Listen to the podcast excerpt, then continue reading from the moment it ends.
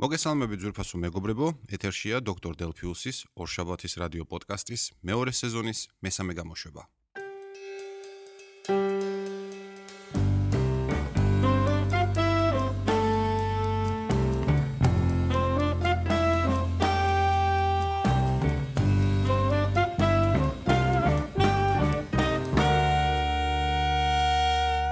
მაშასე დღეს არის 16 სექტემბერი 9 საათი და 1 წუთია ჩემი კომპიუტერის სისტემურ საათზე და ჩვენ ვიწყებთ ჩვენს მურიგ გადაცემას ამჯერად უკვე ახალი აპარატურით.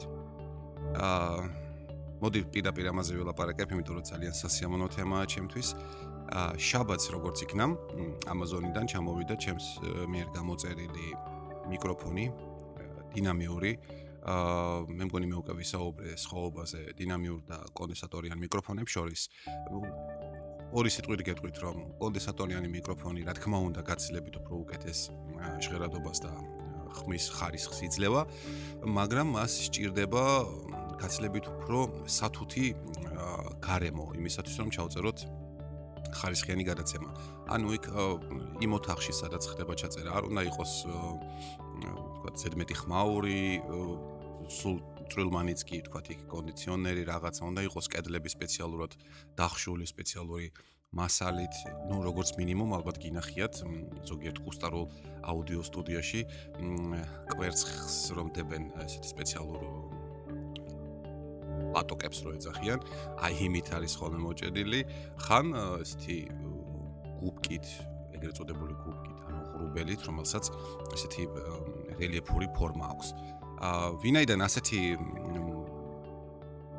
მოწყობა, ასეთნაირად მოწყობა ოთახისა ჯერჯერობით შეუძლებელია უბრალოდ ელემენტარულად ოფის ვერ ავჭედა კვერცხის კასეტებით ან თუნდაც ღრუბლებით.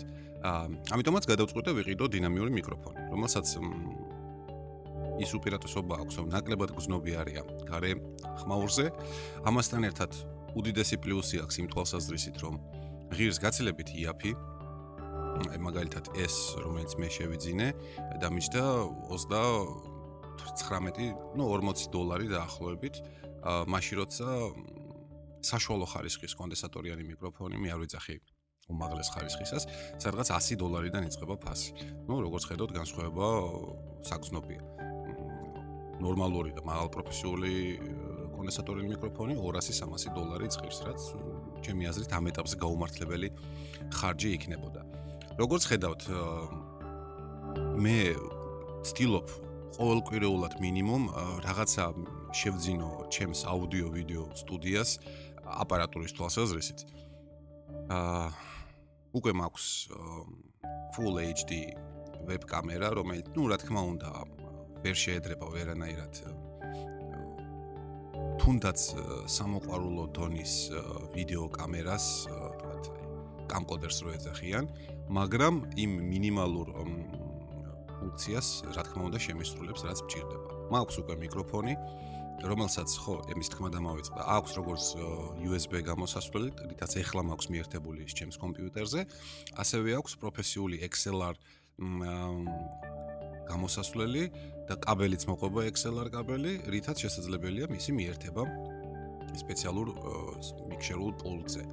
აა კიდე რა მაქვს? ხო, ნუ სამფეხა რაღაც რაღაც ასეთი წრუმანები რა თქმა უნდა არის. პატარა ღრუბელი, რომელიც მიკროფონს უკეთდება თავზე და რომელიც სპეციალურად აი ამ ბგერების დასახშობად არის და ასე შემდეგ.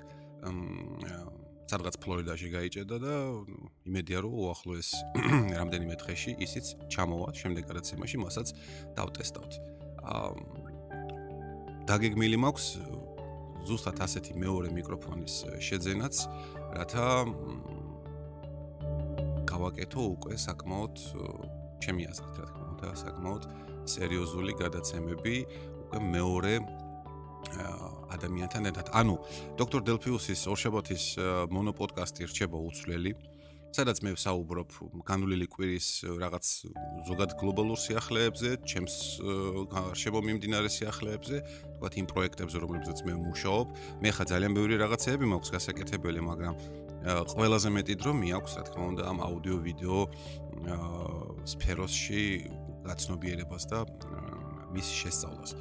აა და ამიტომაც ამ გადაცემაში რო არ აერიოს და თქვა როგორც სულ-სულ პირველ გადაცემებში თქვი მე აქ ალბათ არასდროს არ იქნება უცხო სტუმარი, ან შეიძლება ეს იყოს უკიდურესად იშვიათი მოვლენა. ამიტომაც მე გადავწყვიტე გავაკეთო კიდევ ერთი გადაცემა. კიდევ ერთი გადაცემა, რომელიც არ იქნება ჰაიტექზე, რომელიც იქნება სხვა თემაზე. მე ჯერჯერობით დავტოვებ სურპრიზად. თუ რა იქნება, რას შეეხება და ასე შემდეგ და ასე შემდეგ. რამდენიმე საპილოტო ვარიანტს ჩავწერთ მე და ჩემი მეგობარი აა ნახავთ თქვათ რამდენად ის მოერგება მიკროფონს რამდენად ისთვის ადვილი იქნება საუბარი ფორმატს შევემუშავებთ თქვათ ამ გადაცემაში საუბრებისა. შემდგომში შეიძლება ეს იქნება ჯერ აუდიო. შეიძლება შემდგომში მე თქვათ ვიდეო ფორმატიც გავაკეთოთ და ასე შემდეგ და ასე შემდეგ. მოკლედ ექსპერიმენტები გრძელდება რო ვიტყვიან და მე აბსოლუტურად მტკიცეთ მაქვს გადაწყვეტილი რომ ამ მიმართულებით ჩემი ცოდნა გავახმოო კიდევ უფრო მეტად და მეტად. ეს რაც შეეხებოდა თქვათ ეს ჩვენს უსტარულ სტუდიას და მის სამომავლო გეგმებს. გასულ კვირას ვინც თვალყურს ადევნებთ ამ გადაცემასაც აა ვინც ზოგადად თვალყურს ადევნებთ გემოგის ჯგუფს, ვინც იქ წევრები ხართ. და საერთოდ ვინც ზოგადად ჩემს Facebook-ის friend list-ში იმყოფებით, უცოდ ნახავდით რომ ჩვენ გავაკეთეთ ჩემი აზრით საკმაოდ კუსტარული კიდევ ერთხელ მაგრამ საინტერესო გადაცემა და რაც თავარია ეს იყო პირდაპირ ტრანსლაცია მოკლედ გასულ კვირას 10 სექტემბერს სამშაბათს Apple-მა დაგეგმა თავისი მორიგი სპეციალური ღონისძიება. სადაც უნდა წარმოდგენილიყო ახალი iPhone-ები. აა რა თქმა უნდა ისედაც ჩემთვის და ჩემი მეგობრებისთვის ვინც Apple-ით არის გადაცებული ეს საინტერესო იქნებოდა. აა პლუს ამისა როგორმე საბოლოო ჯამში უნდა დაგვეტესტა YouTube-ზე live-ის გაშვების ფუნქცია. მოკლედ? ასე გავაკეთეთ თუ ისე მეგობრებისგან მithოვეთ შუქი განათება რომელიც აი სამწუხაროდ რამდენი დღეა უკვე ვერ დაუბრუნე და ბოდის ვიხდი და დღეს აუცილებლად წაუღებ თუ ისინი იქნებიან ოფისში საღამოს. მ ვითხოვეთ შუქი აი მიკროფონი სამწუხაროდ აი ეს მიკროფონი რო ყოფილიყო რა თქმა უნდა ძალიან აგვიადვილებდა სამუშაოს მაგრამ არა უშავს ჯობს გვიან ვიდრე არასდროს რო იტყვია აა რაღაცნაირად ვიპოვნეთ ოფისში გარნიტურები, ეს ყურსაც ვამი თავისი მიკროფონით, სამი ცალი, რაც თავარია. გადავაერთეთ ისინი ერთ წყაროთ ვაქციეთ. დევი ამაში ძალიან დახელოვნებულია და ძალიან კარგად გააკეთა ყველაფერი და გავედით ეთერში. სიმართლე გითხრათ, 3 საათ ნახევრის განმავლობაში მიმდინარეობდა გადაცემა. აა და არ ვიცი. ყოველ შემთხვევაში მე არ მინახავს ჯერჯერობით. უკაცრავად. რომ YouTube-ზე რაიმე ქართული გადაცემა გასულიყო ცოცხალი ტრანსლაციით. ამიტომაც თავს უფლებას ვაძლევ ჩავთვალო რომ ჩვენ ვიყავით პირველები. და აი ამ პირველი ჯერისთვის აა ჩვენ გვიყურებდა 150 ადამიანი, რაც რაც საქართველოს პირობებში არის საკმაოდ სერიოზული ნიშნული. და რატომ?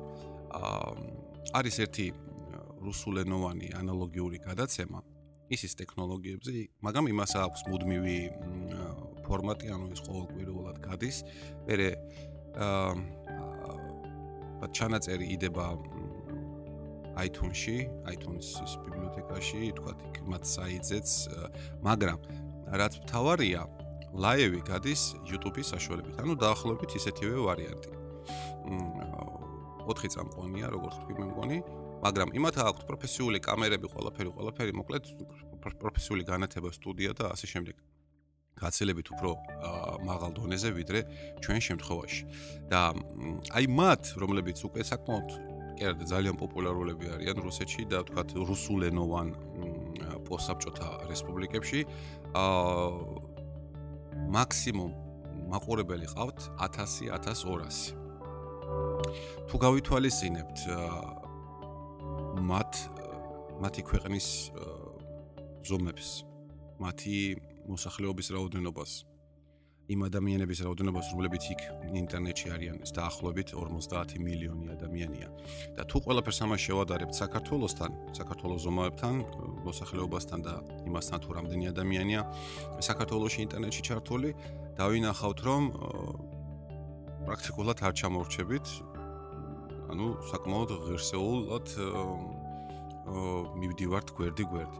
მე და ახლა მე ვერ შევადარებ საკუთარ თავს იმ YouTube არხებს ასეთ სამოყვარულოს დავარქმევდი ვინაიდან თქვა აი ამ არხების უკან არ დგას რაიმე მსხვილი მედია კორპორაციები ან რაღაცა უბრალოდ ადამიანი ან ადამიანთა ჯგუფი როდესაც რაღაცას თავისი სახსრებით ყიდულობს რაღაც ტექნიკას გაცლებით უფრო უკეთეს ვიდრე ჩვენ გვაქვს ამ ეტაპზე თუმცა მე დარწმუნებული ვარ რომ გარკვეული პერიოდის შემდეგ ჩვენ გვექნება ძალიან კარგი აპარატურა და ხარისხიც ვიდეო სიგნალისა კიდევ უფრო უკეთესი იქნება. და ეს ადამიანები ქმნიან თქვათ თავიანთ თავისუფალ დროს სამსახურიდან თავისუფალ დროს ან შემდგომში უკვე ეს ხდება მათი პროფესია. რაღაც გარკვეული ტიპის შეკთავს კონტენტს რომელიც დიდი პოპულარობით სარგებლობს YouTube-ზე და თქვათ ყავს იქ ათეულობით და ასეულობით 1000 ხელმომწერი არხზე და თქვათ თითოეულ გადაცემას რამდენიმე ათეული 1000 ადამიანი უყურებს ხოლმე ერთდროულად. აა სუფთა ტექნიკურად, აი ჩვენ რო საერთოდ სუპერ პოპულარულებით რო გავხდეთ საქართველოში, ათეულობით 1000 ადამიანის ერთდროულად ყურება, ალბათ პრაქტიკულად შეუძლებელი იქნება. ფიქრობ, არ ვიცი, მოკლედ სადამდე მივალთ ეს მომავალი საქმეა. მოკლედ ჩავატარეთ ეს ღონისძიება და სიმართლე გითხრათ, მართლა ძალიან კმაყოფილი დავრჩი იმ თვალსაზრისით, რომ პირველ რიგში ძალიან სასიამოვნო იყო ზოგადად ჩემთვის ცოცხალ ეთერში გამოსვლა. მართლაც ალბათ ცოცხალი ეთერი გაცებით უფრო საინტერესოა, დინამიურია, ვიდრე ჩანაწერები და თქვათ მილიონი დუბლების გაკეთება. მესმის რომ თქვათ ამ შემთხვევაში პროდუქტი უფრო ყურებადი არ მიყვარს ეს ახალი სიტყვების გამოყენება. ანუ პროდუქტი უფრო ისეთი დახვეწილი გამოდის, შესაძლოა ყოველგვარი ზედმეტი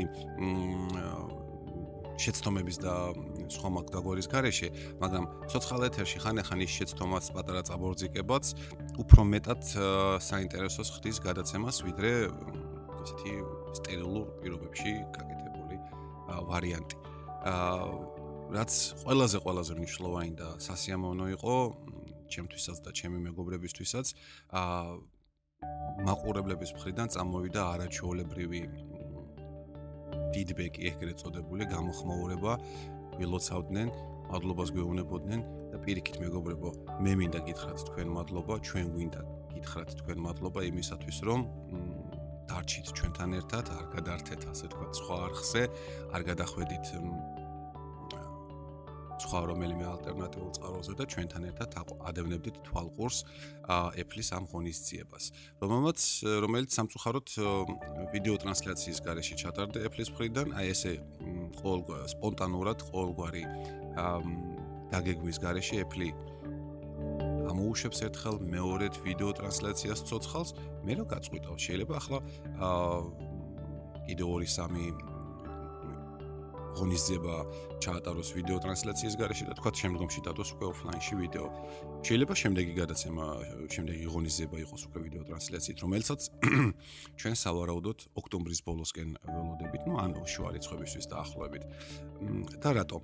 აა გასული სამშაბათის ღონისძიებაზე წარმოდგენილი იქნა მხოლოდ და მხოლოდ ორი ახალი iPhone-ი, iPhone 5s და 5c შეგვიძლია ვთქვათ 5C. 5C პრინციპში მხოლოდ და მხოლოდ გარეგნული სახით განსხვავდება iPhone 5-ისგან, რომელიც ვთქვათ აა მთელი ამ ერთი წლის განმავლობაში იყიდებოდა ეფლის მაღაზიებში და მთელ მსოფლიოში. მას აქვს პოლიკარბონატის, ანუ იგივე პლასტიკატის корпуსი, შიგნიდან არმირებული არის ლითონის ფირფიტებით, რათა თქვა მას გამძლეობა უფრო მაღალი კონდეს. აა რამდენიმე ფერშია გამოშვებული და რაიმე განსაკუთრებული ისეთი მახასიათებლებით არ გამოირჩევა. ჩვენ ყველას გქონდა იმის იმედი, რომ 5C მოდელი იქნებოდა საკმაოდ იაფი. იყო ვარაუდი 299-დან 359 დოლარამდე. მე აი ამ ბოლო ციფრს უფრო ვარაუდობდი. მაგრამ სამწუხაროდ Apple-მა ჩვენი მოლოდინი არ გაამართლა. განბლოკილი ვერსია ჩვენ გვაინტერესებს გან ზუსტად განბლოკელი ვინაიდან ყოველგვარი იქ ნებისმიერი კონტრაქტიანი მოდელები 99 დოლარად ჩვენთვის მიუწვდომელია და არ არის საინტერესო.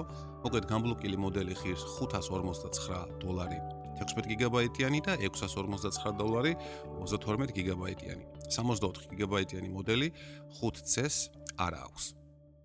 სამაგიეროდ ძალიან საინტერესო აა მოდელი მივიღეთ 5S-ის სახით, რომელშიც ასევე არის ფერთაგამა, ნუ ის ლითონის корпуშია, აა არის კлау ვერცხლისფერი, რომელიც არ შეიცვალა. შავის ნაცვლად ეხლა გახდა ცოტა უფრო განაცრისფრდა, ანუ cosmic gray და არქეს კოსმიური ნაცრისფერი და მესამეს ქვია gold. ო ოქროსფერია, მაგრამ ისეთი აა ყვირალა ოქროსფერი არა, როგორც თვითონ ეს ლითონი, არამედ უფრო ღია ფერისა. პრესაში ჟღერდა, ასე თქვა, დასახელება, რომელიც ოფიციალურად, ასე თქვა, არ დადასტურდა. აა შამპანურის შხეფები. გასაგები მიზეზების გამო ეფლი ვერ გამოიყენებს სიტყვას შამპანური, ვინაიდან ეს არის რეგისტრირებული სავაჭრო ნიშანი ამ სასმელისა. ნუ ან მაშინ უნდა მოახდინოს აა Google-ის არ იყოს რაღაც შეთანხმება ამ კომპანიას, როგორც იცით, Google-მა თავის Android-ის ბოლო ვერსიას დაარქვა KitKat-ი, აა ზუსტად იმ შოკოლადის ვთქვათ სახელი, რომელიც ყველა მეცით და მე პირადად მაგალითად KitKat-ი ძალიან მომწონს, იმიტომ შიგნით ვაფლია და ძალიან გემრიელია. აა, რამდენად იქნება ჩემთვის გემრიელი Android-ი? ეს ჯერჯერობით ბუნებისთვის უცნობია, თუმცა იმეც ვიტყოებ, რომ ალბათ მალე ამას გავიგებთ.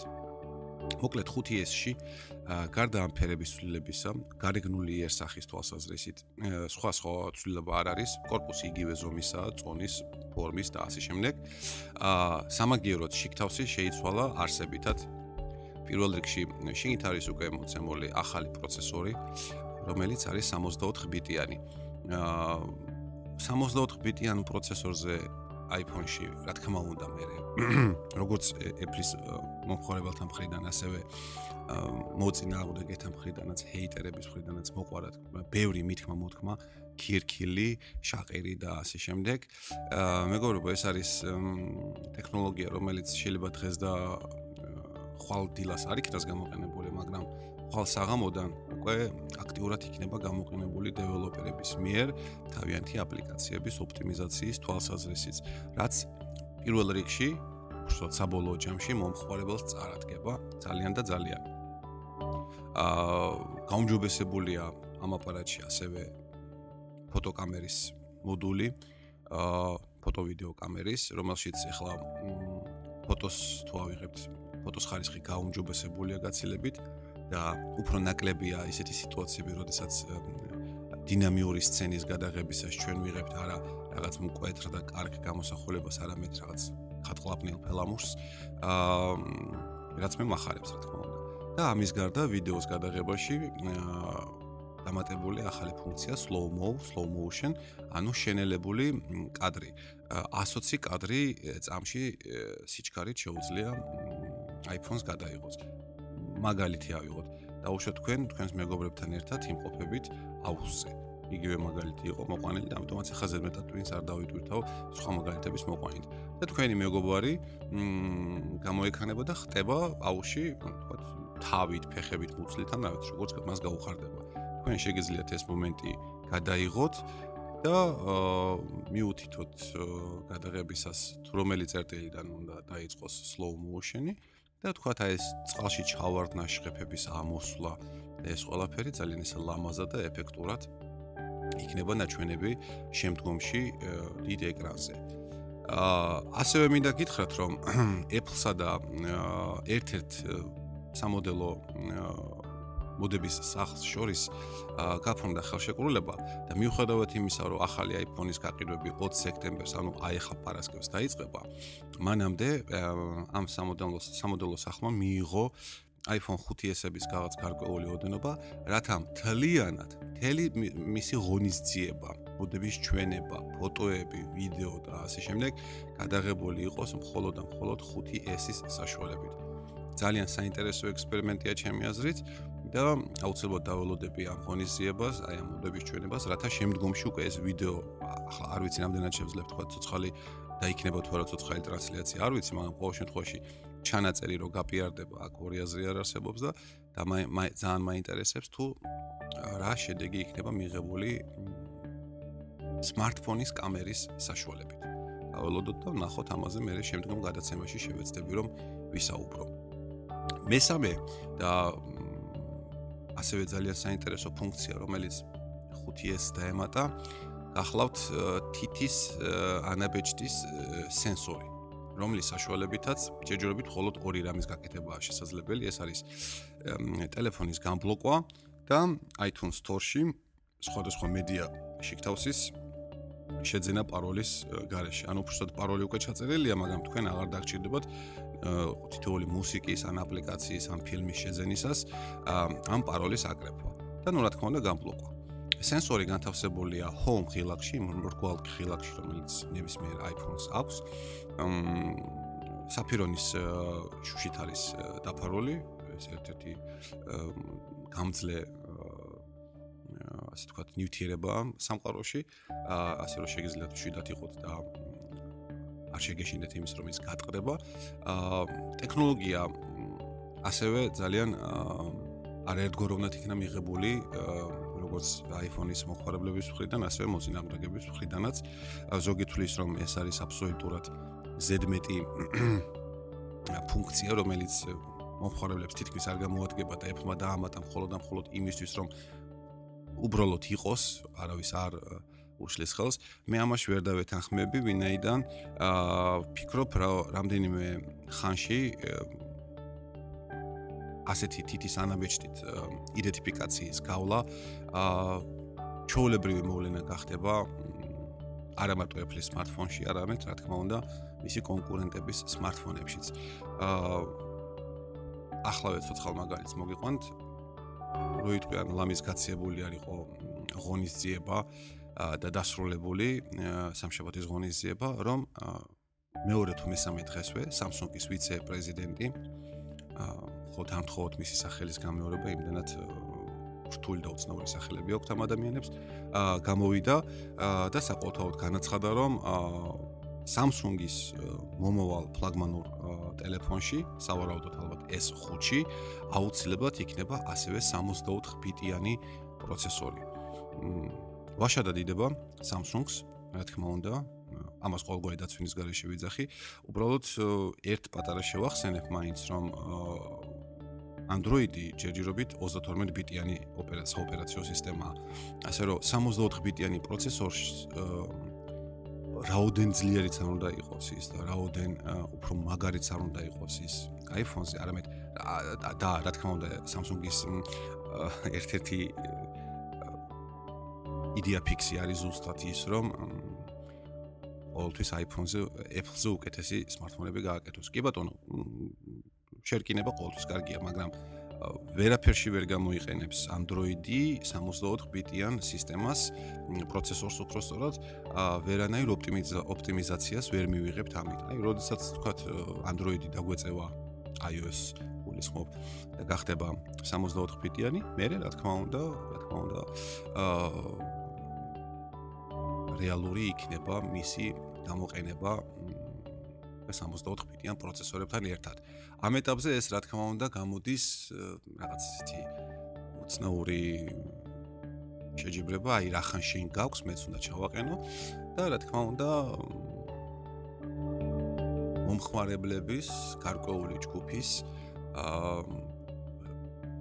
ღირსების საკითხი იქნება, რომ მათაც აუცილებლად აუცილებლად ჰქონდეთ 64 ბიტიანი პროცესორი თავიანთ აა Galaxy-ში. თუმცა ღაირაში უნდა გამოიყენონ, ეს ალბათ შეჯერებით მათთვის უცნობი იქნება. ეს ისე ჩართული წინადადების სახით. აა როგორც ხედავ ახლა უკვე 24 წუთი, 25 წუთი დაიწყო. პრინციპში მე დღეისთვის სხვა ინფორმაცია არ გამაჩნია. აა ამიტომაც დაგემშვიდობებით როგორც ყოველთვის ორშაბათი მძიმე დღეა და გისურვებთ მის წარმატებით გადალახვას და პარასკევს აღამომდე ღონივრად მისვლას. აა დიდი მადლობა ყურადღებისათვის, რომ ისმენდით. მომავალ შეხვედრამდე.